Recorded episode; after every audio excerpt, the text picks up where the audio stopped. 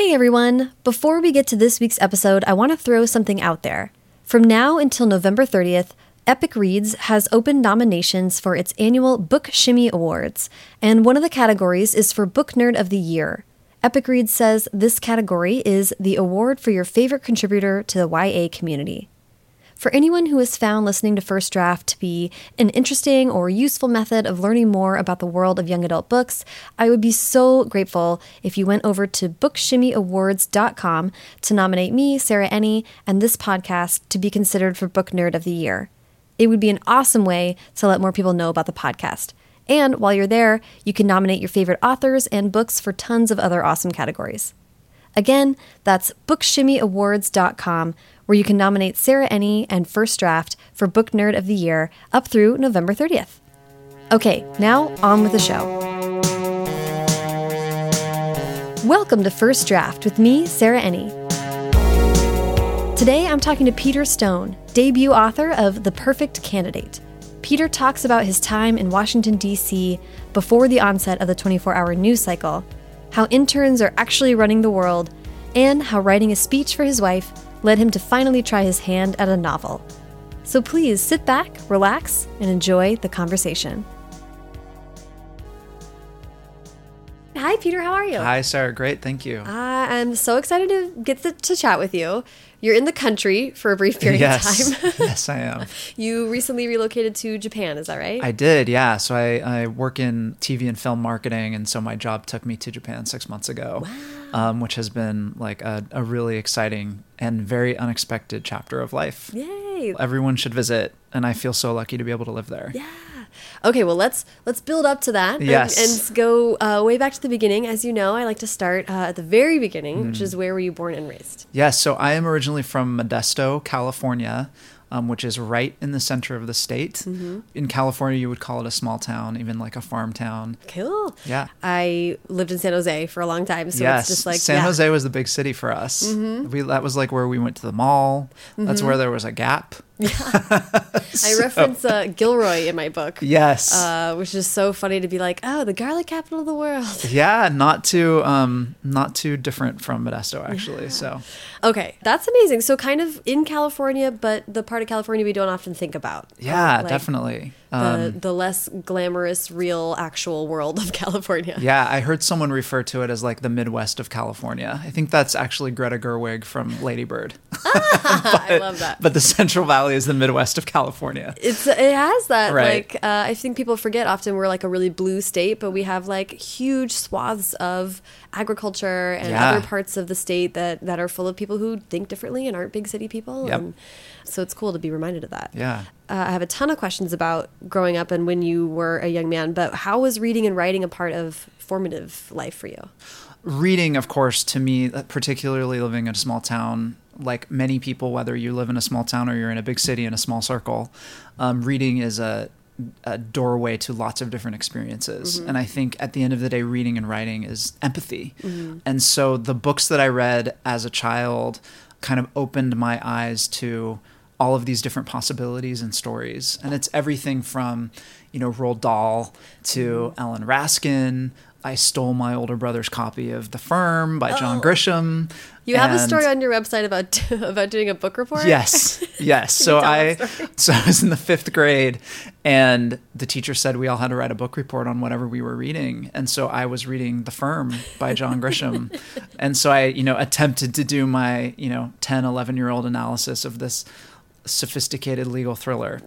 Do you still have that? I need to find it. I like it's buried somewhere, but um, Oh my god, yeah, on like a on like a typewriter even on my dad's typewriter. They sometimes at YALLWEST and YALLFest they'll do juvenilia where you can read stuff that you Mm-hmm. Oh my wrote when you were younger, and that Yeah. would just that would knock it out of the park. yeah. Um, in terms of writing, though, you know, I currently like working in in film uh, marketing. I would the things that I would write were like movie posters and develop like pitches and ideas for mm-hmm. plots and stories, mm-hmm. which as a writer is always the most fun part because you don't have to do any of the work. Yeah. But that was my that was kind of my experiences like what would be interesting angles or reimaginings of stories. But in terms of writing, I didn't I wrote you know term papers and mm-hmm. essays, but not not my own story uh, when I was growing up. So yeah, so even as a kid, there was not like the no like secret novel on the side or chap unfinished chapters or anything like that. There wasn't, and I just I never envisioned myself as as being a writer. I you know I, I was always a fan of storytelling in kind of mm-hmm. all forms. What everything from you know a good movie to a great book to even like a TV commercial, the mm-hmm. stories that they tell. But mm-hmm. I never really gave myself that permission or envisioned myself as someone who could tell one of those stories. And, okay, and we're gonna come back to that Yeah. with how how you did kickstart it. Mm-hmm. But I want to, for the sake, especially of talking about the perfect candidate, I really want to talk a lot about your choice to go to DC. Mm-hmm. I think, I mean, I want you to tell me, but I think that was maybe one of your first big like trips as a Yeah. as an adult. Yes, for sure. So, you know, I was in high school. There's there's an orchard that borders my high school on three sides, um, and I think like any teenager, you're longing for more and you're longing for different. Maybe even in an ill-advised way, uh, because oftentimes you look back and you realize that that that town you were so eager to get out of was wonderful and even idyllic in its own way. But in any case, I was eager to get out. I couldn't wait. And I had spent some time as a kid, you know, doing political campaigns and uh, doing get out the vote drives in my in my hometown, door to door. Um, and as a result, had kind of come across my congressman, who's Gary Condit, and worked with his office on his campaign and had the opportunity to go to Washington D.C. as an intern the summer after I graduated from high school. so you you were involved already. You were politically active and engaged. Yeah, yeah. I mean, as as politically active as a as a thirteen or fourteen year old can be, I was in it, and I was fascinated and and so interested in in that world. Okay. Yeah. Uh, that's so cool. And really, I think something that now uh, kids can relate to. Yes. The new generation Yes. Mm-hmm. of very politically civic minded young people, which is really thrilling to see, actually. Totally. I feel like it's such an extraordinary time politically, but regardless of where kind of you fall on the political spectrum, one really good thing that is coming out of these turbulent years is that young people are more active and engaged than ever. Yeah. And so that's funnily enough kind of aligns with my story, which is the story of a teenager who stands up to power.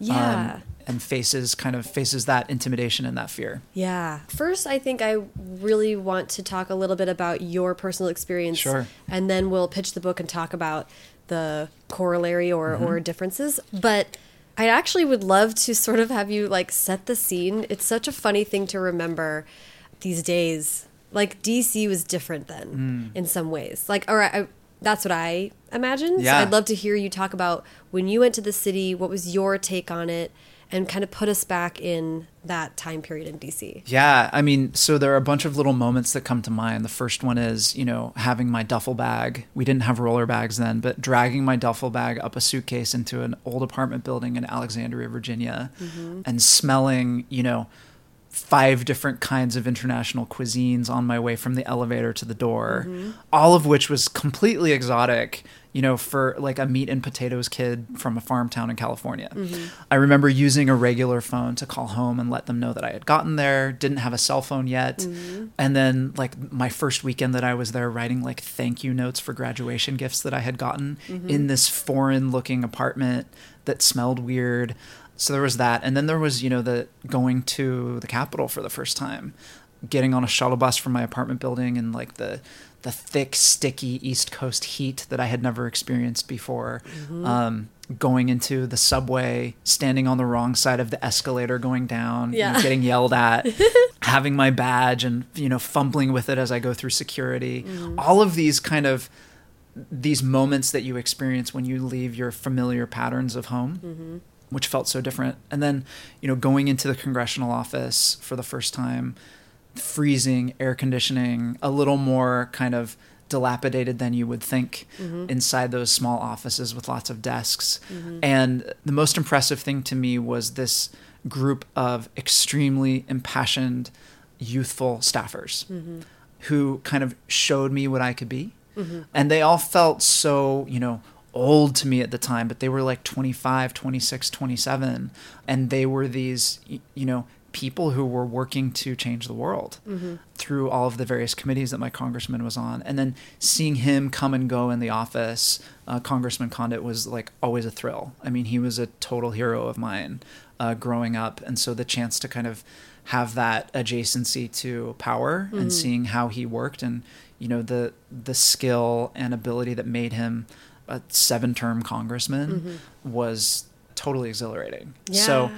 yeah, so it was all of these things that were completely foreign from the patterns that I knew growing up. Yeah. And obviously, a very indelible experience. So when I thought about what to write, that vivid chapter of my life was was an obvious one to pick. Yeah, I, I also would like you to set the scene because I want to. I'm thinking about listeners who don't have a memory of Yeah. Chandra Levy and what that was and what that meant. Right. And I'm and I want to emphasize sort of through your retelling like how that really changed culture in Washington in, in a big way. Like there was kind of a before and after for like Mm-hmm. coverage of this kind in some ways. Yeah, yeah. So you know, you look back at the last several decades, and there are a handful of controversies and scandals that really rocked Washington D.C. I'd mm-hmm. say Watergate is one of them. Mm-hmm. The Monica Lewinsky scandal with Bill Clinton is another, and then there's the story of what happened with Gary Condit and Chandra Levy. So the summer I was in Washington D.C. was great and smooth. No murder, no suspicion. And what year was that? That was summer 1998. Okay. And, you know, a couple years later, it popped up in the news that this young woman from my hometown, from Modesto, uh, who name, whose name was Chandra Levy, was missing. And, you know, when you're in a small town, you either know everyone or you know someone who knows the Yeah. other person, which was the case with um, the Levy family. I, don't- I don't know them personally, but certainly have friends in common. And so it was, you know, it was alarming and, and scary. And day after day, she was gone. And then I don't remember the, the exact sequence of events, but essentially her body was found. Um, and it became clear that, that her death was not an accident. And so questions started arising.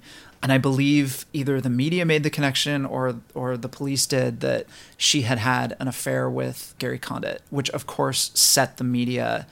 You know, it was like a piranha feeding frenzy with any any trace of blood in the water. And so I observed from afar how quickly the media pounced on an interesting story. And uh, this was summer 2001. And I think it must have been a slow news summer because that's all people talked about. Yeah. It was on, you know, the cover of magazines. It was constant coverage. And, you know, there's a salacious narrative that can be drawn between a congressman and a young woman who's dead. And I think a lot of people went for that. Mm-hmm. And accusations flew about what, what his role may or may not have been. And, you know, was she pregnant? Were they together? Was she in his apartment? All of these kind of tabloid esque questions, mm-hmm. which ultimately we're not really seeking for the truth, but probably seeking for ratings and readership. And in the process, uh, arguably took down his career. So he was not he was not reelected. But tragically, what's interesting is that at the end of that summer, 9/11 occurred, and you know the story fell off of the news agenda, which I think might speak to its the depth of the story may not have really been there Yeah. um, and people didn't didn't really go back to it until there was a, a Salvadoran immigrant who the police pinned the crime on, um, who later was imprisoned. But you know, if you Google this, and if you you know, there's a my favorite murder episode about this story, there are still ton- people still have a lot of questions. And so, in terms of the way that it, it changed politics, I think people started to feel much more entitled to information about politicians' lives. And also, it's an interesting case study and kind of ratings and substance in, in the news. And I wish I could remember exactly what I was listening to, but recently I was listening to some NPR politics. It possibly was their podcast or something like that, but they were re recounting, and probably to some degree, Pod Save America's The Wilderness uh, uh, audio documentary about the Democratic Party, which was fascinating. And the reason why I'm co- coming at this line of questioning in this manner is Yeah. because I was recently reminded that MSNBC started in 1996. That it's just truly so recent that we Yeah. think about the news in this way, and that I remember Gary Condit being one of those things that was similar to what you just said like it exploded and it was just for 3 months like all you read about. Yep. And because it was like a John Grisham novel come to life, partly, but also it was because all of a sudden, in this real way, news entities had 24 hours to fill. Yeah. And Oh, that's a really good point. Like the Yeah. 24 hour news cycle and CNN headline news, where every half hour they're repeating the same mm-hmm. stories. Um, getting the so- same B-roll. Yeah. I mean, that's why there are some images of Gary Condit that are in, and Chandra Levy's smile is Yep. something that is in my head. That like senior portrait of her wearing a white tank top Mm-hmm. and Gary Condit kind of uh, being pursued by the press. Yeah. we, we saw them every half hour. Yeah. um, and so it's it's kind of part of this national myth. It's it's actually interesting. There's so many kind of true crime stories from that period of time, whether it's the JonBenet Ramsey case or mm-hmm. Chandra Levy's disappearance, and then later another hometown tragedy mm-hmm. with Laci Peterson, who was murdered mm-hmm. in, in a home that's right across the street from my junior high school. Really? So it's this it's a fascinating period of time that I think and that curiosity informs a lot of my writing Yeah. um, about what those possibilities are and how, you know, unnerving things can happen in really seemingly ordinary circumstances. Absolutely. You you uh, which is the kind of story we see all the time, but you have this like very personal way of accessing the reality of that, which is as a storyteller is a tool in your toolkit. Yeah. Not to downplay the intense tragedy of those events Right. at all. But that that is what struck me is that you had this summer in DC and it w- it seems like you had sort of maybe this last glimpse of like a city before it truly fundamentally changed. I think a lot of Mm-hmm. people changed their behavior and how they approached the press or thought about the press Yep. after coverage like that, Yeah. which is like life ruining. Uh, totally. Look, I, I'm still like so inspired by the people who work in DC, and it's my favorite city in the country. And I like get a thrill walking around just the streets. I feel like so cheesy. I feel like, you know, a tourist going there for the first time, but I really do. Yeah. But the experience was pretty disillusioning. And I look back on people who, protesters who may have been discouraged by uh, the Vietnam War or people who were, you know, lost faith in the executive office because of Watergate. And like, I feel like I can relate a little bit to that because I saw this confluence of scandal and media frenzy take down someone who I thought was a pretty good congressman. And it was it was uh, discouraging and pretty alarming. Yeah. I'm interested in how that experience might have because you didn't go into politics or I didn't. How did your how did that sort of inform your decisions about where to go with the rest of your life? Yeah, so I um I returned to Washington D.C. and worked at a think tank, and then on my second day was called up to an office which I later found out was Newt Gingrich's office, and he basically wanted me to be his Spanish tutor, um, and so I still kind of don't believe that that's what I did for six months in Washington D.C., but I did. That's amazing. Um, and there was like f- there are few stranger experiences in my life than like sitting next to Newt Gingrich against a green screen, waiting for him to go on as a talking head on a news show, like teaching him the difference between preterite and imperfect tenses in Spanish. Like it was, it was, it was crazy. That's wild. So in terms of like thinking about a career in politics mm-hmm. versus anything else, that's all I wanted. I wanted to run for office. I wanted to work on the hill. Mm-hmm. But as I got closer to it and I saw the sacrifices that people make, both, you know, personally and arguably morally, mm-hmm. it wasn't really worth it to me. I, I was also discouraged a bit by the slow pace of change and that, you know, getting a bill through or getting policy passed in many cases the incentives are not always aligned. And so it's not always you know things that you would want to go through get passed. And in another case it just takes a really really long time. And i didn't really have the patience for that. And so that made me start thinking about alternatives to to politics and entertainment. And I didn't have to go very far because kind of if politics is my first love, then uh, movies are my second. And so I saw several movies a week. It's what I loved to talk about with my friends, and so I was really drawn to the entertainment industry. And as I when I take a step back and think about it, like Washington D.C. and Hollywood are kind of sister cities. Yes. And also, what I do now is on marketing campaigns for TV and film is actually kind of similar to a election campaign. Yeah. You know, you are promote you're giving people information about something, getting them excited through different types of media, breaking it down to talking points. breaking down the talking points, reinforcing a date, and then hoping that they'll show up and act on that date. Yeah. And it's all the same. Right. You know, there's a there's a saying that DC is Hollywood for ugly people, uh, which one of my characters says in the book. um, and I, you know, I disagree with the the ugly people part, but it DC in many ways is just like Hollywood. It's very, and I lived in DC for six years after college and Yeah. was a reporter. So I like, am relating a lot. So how the romantic feeling of the city, it's Oh still gosh. beautiful and wonderful. I still have so much love for it. But, but ultimately I made the same, same choice where I was like, you know, truly, I was in DC trying to be a, an author. And I was like, mm. you guys don't care here about this stuff. Like making things up doesn't mean the same thing to you guys.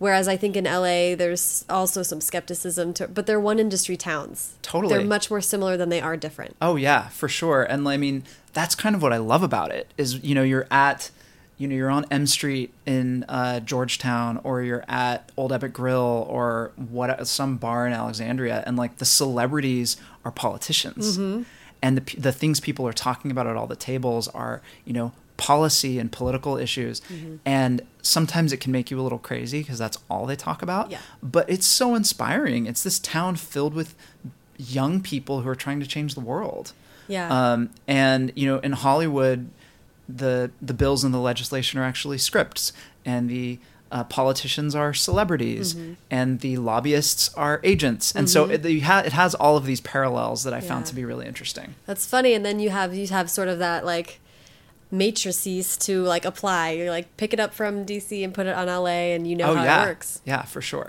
so I, I mean, I love even comparing neighborhoods in DC and how like, you know, U Street is kind of is kind of like the you know downtown of LA, mm-hmm, mm-hmm. and Georgetown is.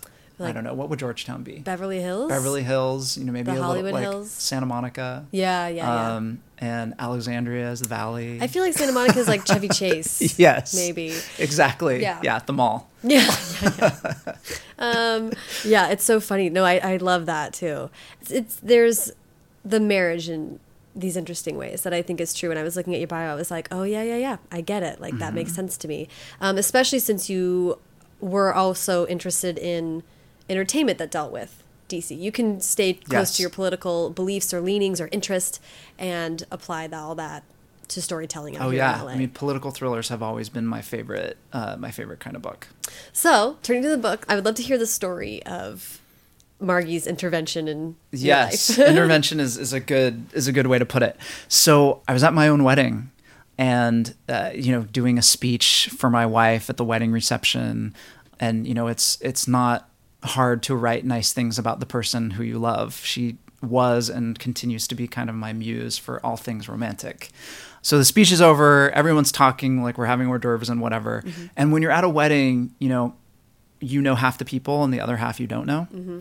because they're from your in-laws mm-hmm. or from your friends in-laws so i'm you know having a drink or something talking with people and this woman comes up to me who i didn't know and she told me she was really impressed with my vows and asked me if i was a writer and i kind of jokingly said back to her i write emails for work and that I, you know, the last long thing that I ever wrote was a term paper in college. Mm-hmm. And she said, "You have a book in you. You should write something."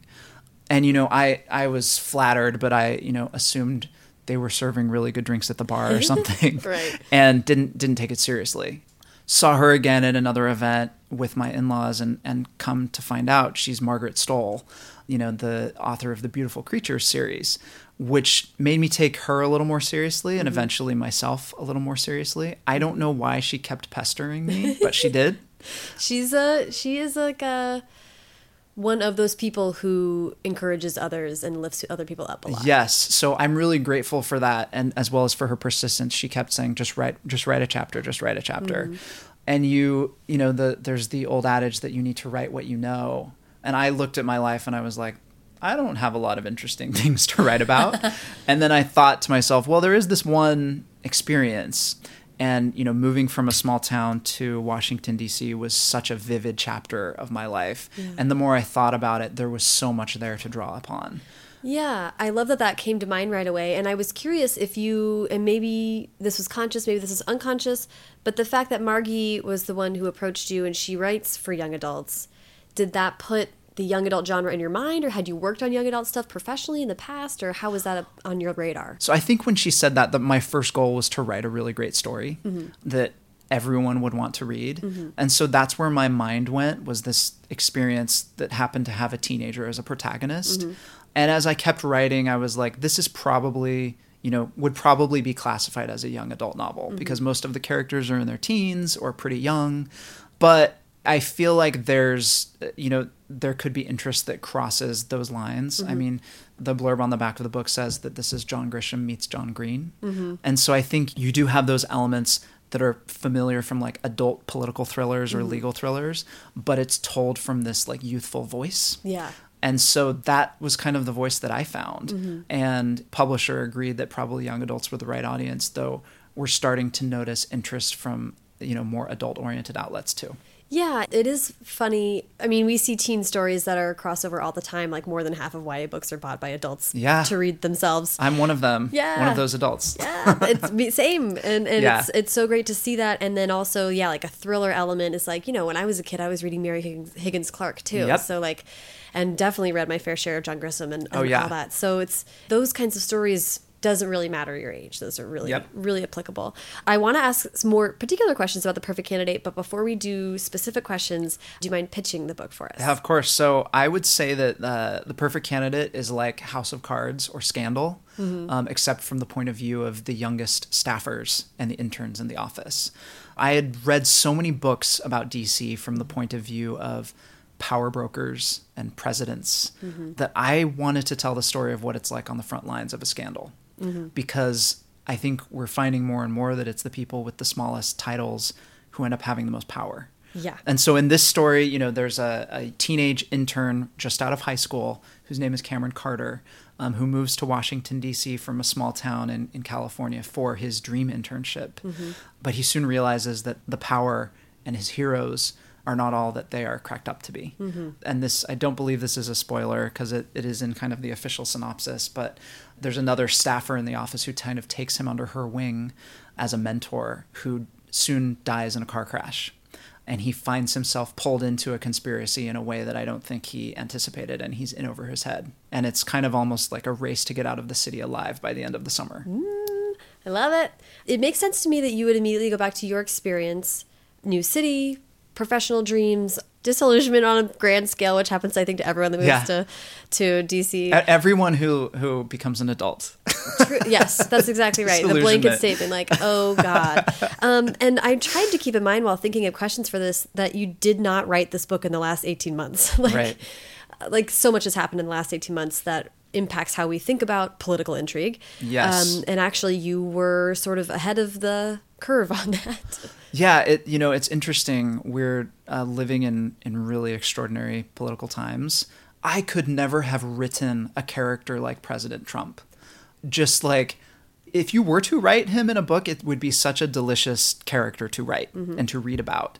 Mostly because of the ways in which he's you know breaking centuries of statesmanship mm-hmm. norms mm-hmm. is fascinating to me, mm-hmm. especially as like a former political science major. It's like the world is turned upside down. And what's even cra- what's even stranger to me is that half of the people are applauding it and then you have other people who are deeply troubled by it. So it's this it's a really strange political environment, but I will say I think there is one thing that has is irrefutably good about it that I think everyone can agree on, and that is that like youth are more engaged than ever mm. um, in government and politics. I mean, we see it with the students from Parkland. We see mm-hmm. it with young people who are like marching mm-hmm. and writing and raging and asking questions, Yeah. and that is a great thing. And I like that is what our country was founded upon. That is why our government works, mm-hmm. is because there's room for people to ask and write and protest and reconsider. And it's true. I, I started to realize that I think my protagonist, Cameron, would be right at home with those teens. Right. In the sense that he finds the courage and the confidence to stand up to power and ask questions and dig deeper.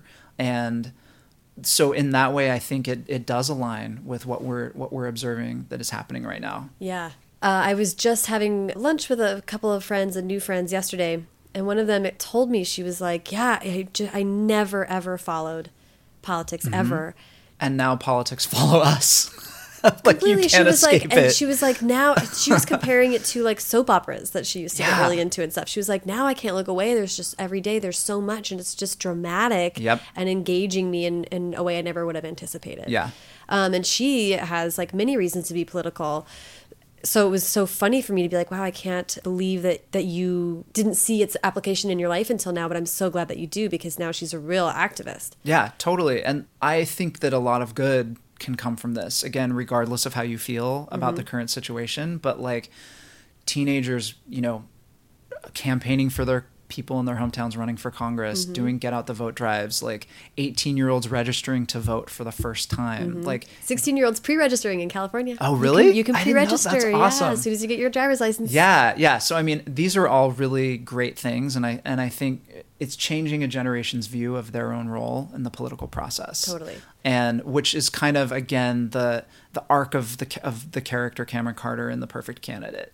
And I want to ask you've said it a couple times, and it, it's so true and cannot be overstated that 26 year olds are actually running this country. Right. Like, Yes. is what I tell everyone about my time in DC. Yeah. That I discovered that 26 year olds are doing everything. It's amazing. And that's actually sort of like every the framers were 26 around there. So it's kind of Yep. like our grand tradition as a country. Yeah. But their idealism and their hard work and their dedication is like actually what fuels all those committees and gives all the uh, Congress people their information and all that stuff.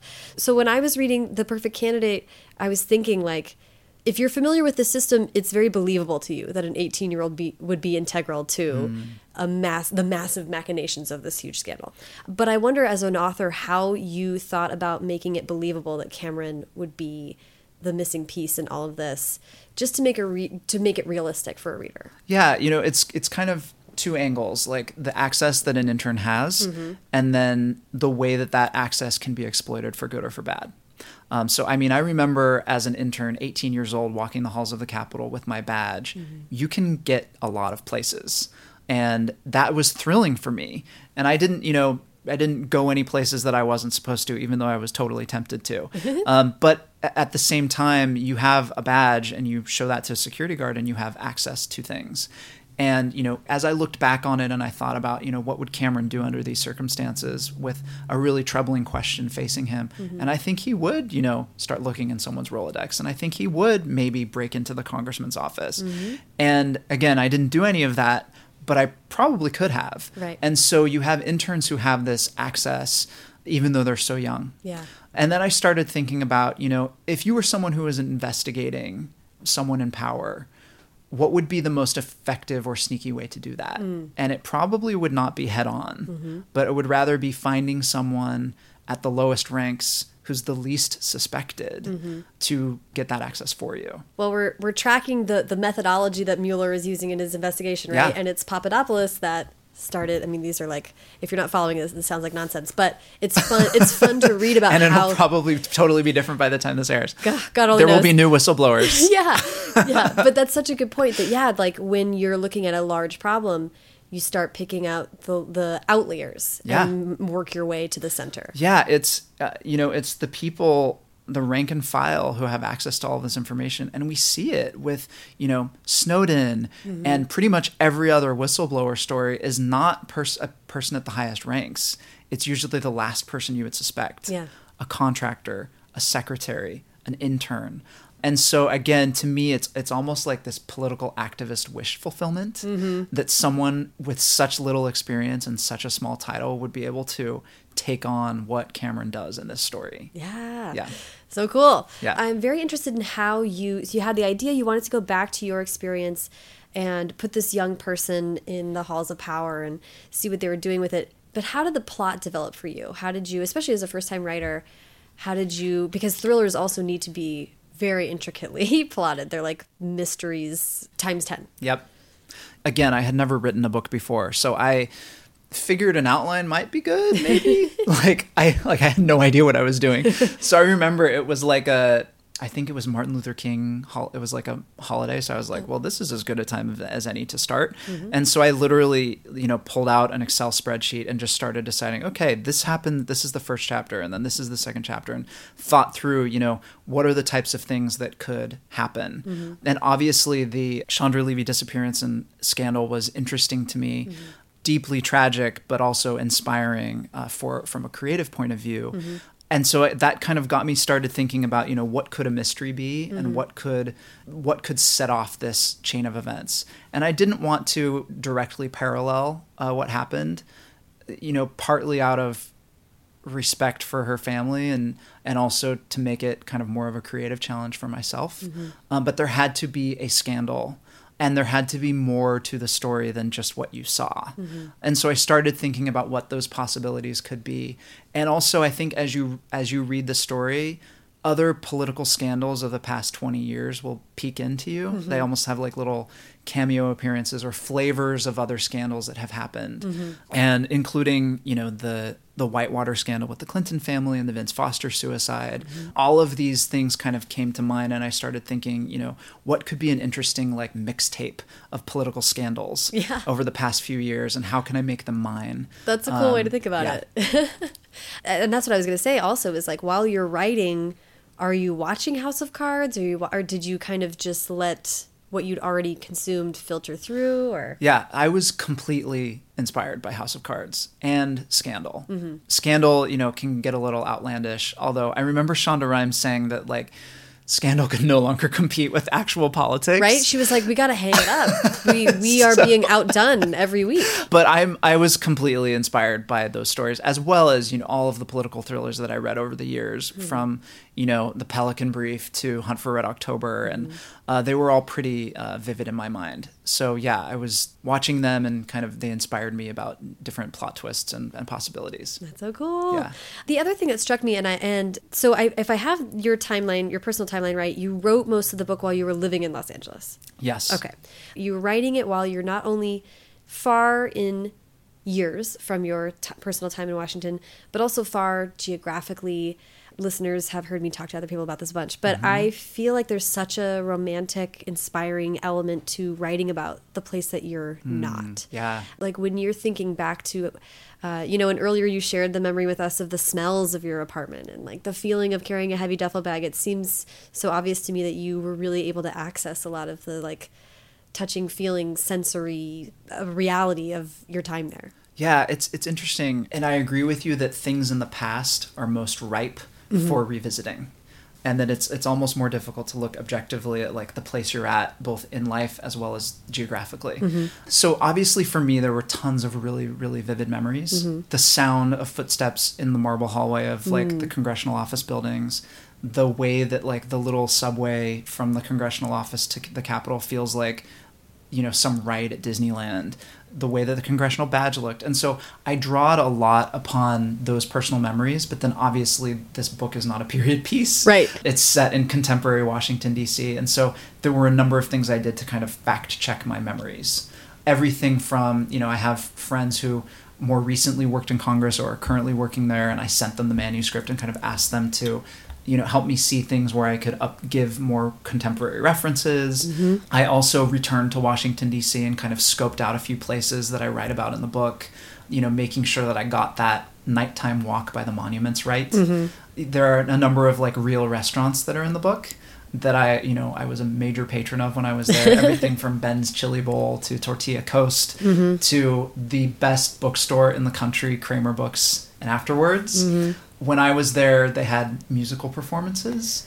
And so I called them and I was like, Do you still have musical performances? Like, called on the phone and they were like, We stopped that a few months ago. Ah. So I decided whether or not to leave the musical performances in there and, and and I decided to leave it in because that's kind of my Washington D.C. Yeah. So I, you know, I wanted to make sure the details were authentic, but there are a few things where I spin it a little to kind of align with my my memories of the city. Yeah, that's so cool. Yeah. I love that.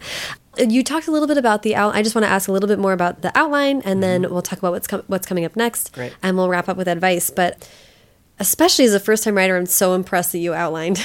was that was that ever a challenge? Were you able to stick to it pretty well? How did that process of writing go for you? Oh man, you know, I I knew I needed to outline. I knew I knew I needed to write an outline when I tried to start the first chapter without one.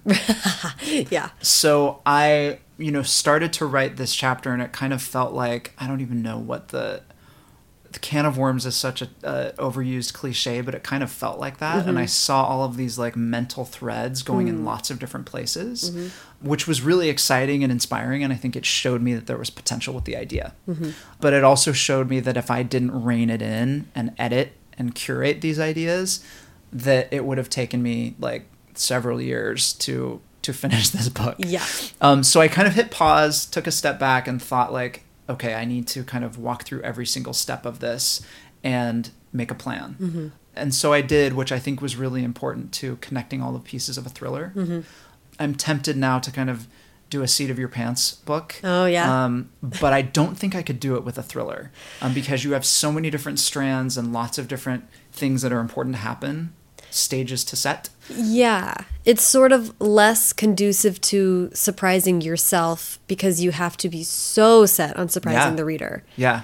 I mean, I, I knew after that outline, I knew what the final chapter would be when I started writing it. Mm-hmm. And so I kind of wrote toward that. Mm-hmm. What's interesting, though, is that as I kept writing, characters reveal themselves to you.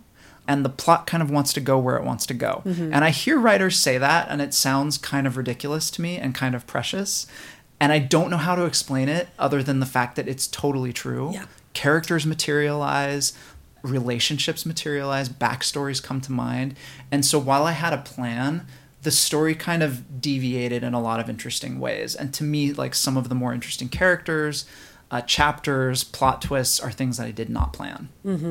Yeah, it's it's funny. It is a difficult thing to explain to people who haven't done it or people who are who aren't creatives in that way. And it's like that's what makes books indelible impressions of the writer. I That's what so. makes them little works of magic and not just rote robots. That's why like robots will never write a book. I mean, they will, but not one that's worth Yeah. reading. Probably interesting. Yeah. day. That's so interesting. So and then and then I'd love to hear like uh oh you did it. You wrote a book. It's coming out. Yes. You you showed yourself you can do it. Yes. How did you think about next steps and and wanting to do it again? You know, it's interesting. I like I said at the beginning, it's really easy to talk about a book, writing a book. It's Oh, really it's really easy fun to talk about writing a fun. I mean, it's the best. like sitting at a dinner and like talking about all of these ideas you have. It goes back to you know when I was a child and I wrote movie posters Mm-hmm. for a thriller or a you know a war movie Mm-hmm. or a romantic comedy, and you know I cast contemporary actors of the day. That's the fun part. Mm-hmm. But I didn't realize before I wrote how like freaking hard it is and how unpleasant it can be. Yeah. And also what a like mental game it is as a writer. And so when I thought about, you know, returning to the keyboard and writing a second book, I almost like seized up Really? and felt insecure in a way that I've never felt before in my life. Mm. You know, am I out of ideas? Am I out of words? Mm-hmm. And all of these negative voices start kind of like talking in your head. Mm-hmm. And I sound like a crazy person, but I feel like anyone who has ever tried to do something creative knows what I'm talking about. Mm-hmm. And you have to realize that if you're going to write, the first person who needs to believe in you is yourself. And so I do it. And I, you know, there are a lot of other things that are attractive to do. Like doing the dishes is more attractive than writing Yeah. when you need to write For sure. but I do it, and it's usually at nine or ten at night after I've you know done bath time and bedtime with my kids, done the dishes, mm-hmm. and it's like every time it's like jumping into a cold pool of water. And I'll use a second, I'll use another metaphor, which is like it feels like a leap of faith, mm-hmm. and then you land on that first word.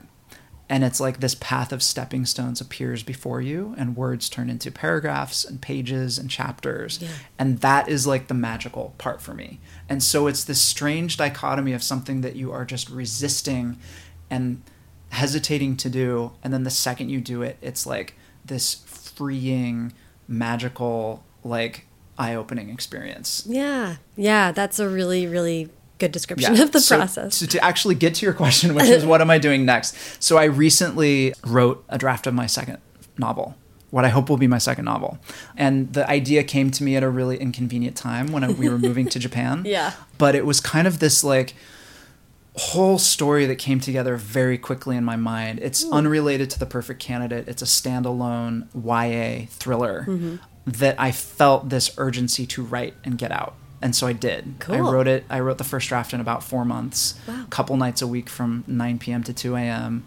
And while while you're moving. while I was kind of settling in, into the new role. Okay, gotcha. But, but um, and moving. Yeah. And it's interesting because people, you know, don't believe that I did that, or they think how unpleasant that might be, that must be. But in a way, it was almost comforting and therapeutic to like go to this world that I was making Mm-hmm. with these characters that I was getting to know and tell their story. Mm-hmm. And you know, even sometimes like in a in a dark apartment at night, this second book is is a thriller, and so uh, some of my own nightmares were coming out onto the page. So you start to kind of like freak yourself out Totally. you're writing it. But anyway, that is that is what I hope will be my second novel, and I'm currently kind of revising uh, the manuscript. That's cool. And then and then the perfect candidate leaves itself. I don't think it's a spoiler to say there's a potential. Yes, for yeah. Cameron so continue. I, um, you know, the the conclusion uh, definitely sets the stage for more for him, Mm-hmm. and I hope I get to to write more. I'm certainly, I certainly have in mind some adventures and some some more torture that I can put into. it. Excellent. And and there's no shortage of, of like we said, stuff coming from Washington that would be interesting to, to mine. yes, So, definitely. Yeah. definitely. Well, this has been so fun, and Thank I'm you, certainly we will be chatting again when uh, whenever the next project rolls around. But I'd love to end with uh, with advice. If you have as someone who's g- going through this the first time and is kind of fresh off that new experience, what advice you'd give to aspiring writers? Yeah, so I so aside from the obvious advice which is to write what you know, the only other advice I would give is that if you want to write a book, you need to write a book. And you need to write when you don't want to. You need to write when you want to watch Netflix instead. Um, when you have, you know, to fold your laundry, you have to sit down and force yourself to do it. Um, and like I said, when you do, and when you take that leap, it's a pretty magical thing that happens because you see this story roll out in front of you. And so that would really, that's kind of the key advice. Um, Neil Gaiman, I'll paraphrase a quote from Neil Gaiman that, like, truly has kept me going, which is that, you know, if you only write when you're inspired, you'll be a really good poet. Or you may be a good poet, but you'll never be a novelist. And that when you look back on what you've written, it will be hard to distinguish the things that you were inspired to write and the things that you just had to write Yeah. which is a perspective that is like totally freeing as a writer because it's true. Mm-hmm. I mean, I remember times when I was writing The Perfect Candidate, unfortunately, a smaller, like a small fraction of the time when I was super inspired and just like ready to go. Mm-hmm. Most of the time, it was like, I need to finish this chapter, I need to tell the story. And it felt like work. But I look back on it, I can't tell the difference. Yeah. And so having that perspective, and I'm I'm so glad I read that quote from Neil Gaiman, which I've just butchered in a paraphrasing manner, that made me think like, okay, like I need to believe in myself and like it will be okay and if it sucks I can revise it. Yeah. But I just you can't revise something if you haven't written it. Yeah. Yeah. It's it's so true. It's such a funny experience to look back and read something and be like, wow, that's pretty good. Yeah. And I don't have any memory of when that came out of my head. Right. yeah, yeah, It's exactly. a ref- it's it's uh, the kind of thing that you're like, okay, I guess I am a writer. Like this will happen if I make room for it. It'll happen. yeah. Yeah, Yep. that's so great. Well, thank you so much for all of your you, time this morning. I appreciate it. Yeah, it's wonderful. Thank you so much to Peter. Follow him on Twitter at pstonebooks and at Peter Stone Books on Instagram. Follow me in both places at Sarah Enni and the show at First Draft Pod. And check out the show notes at firstdraftpod.com for links to everything Peter and I talked about in this episode. A lot of the links in the show notes go to another podcast, which is called Slow Burn. It's a really excellent podcast put on by Slate.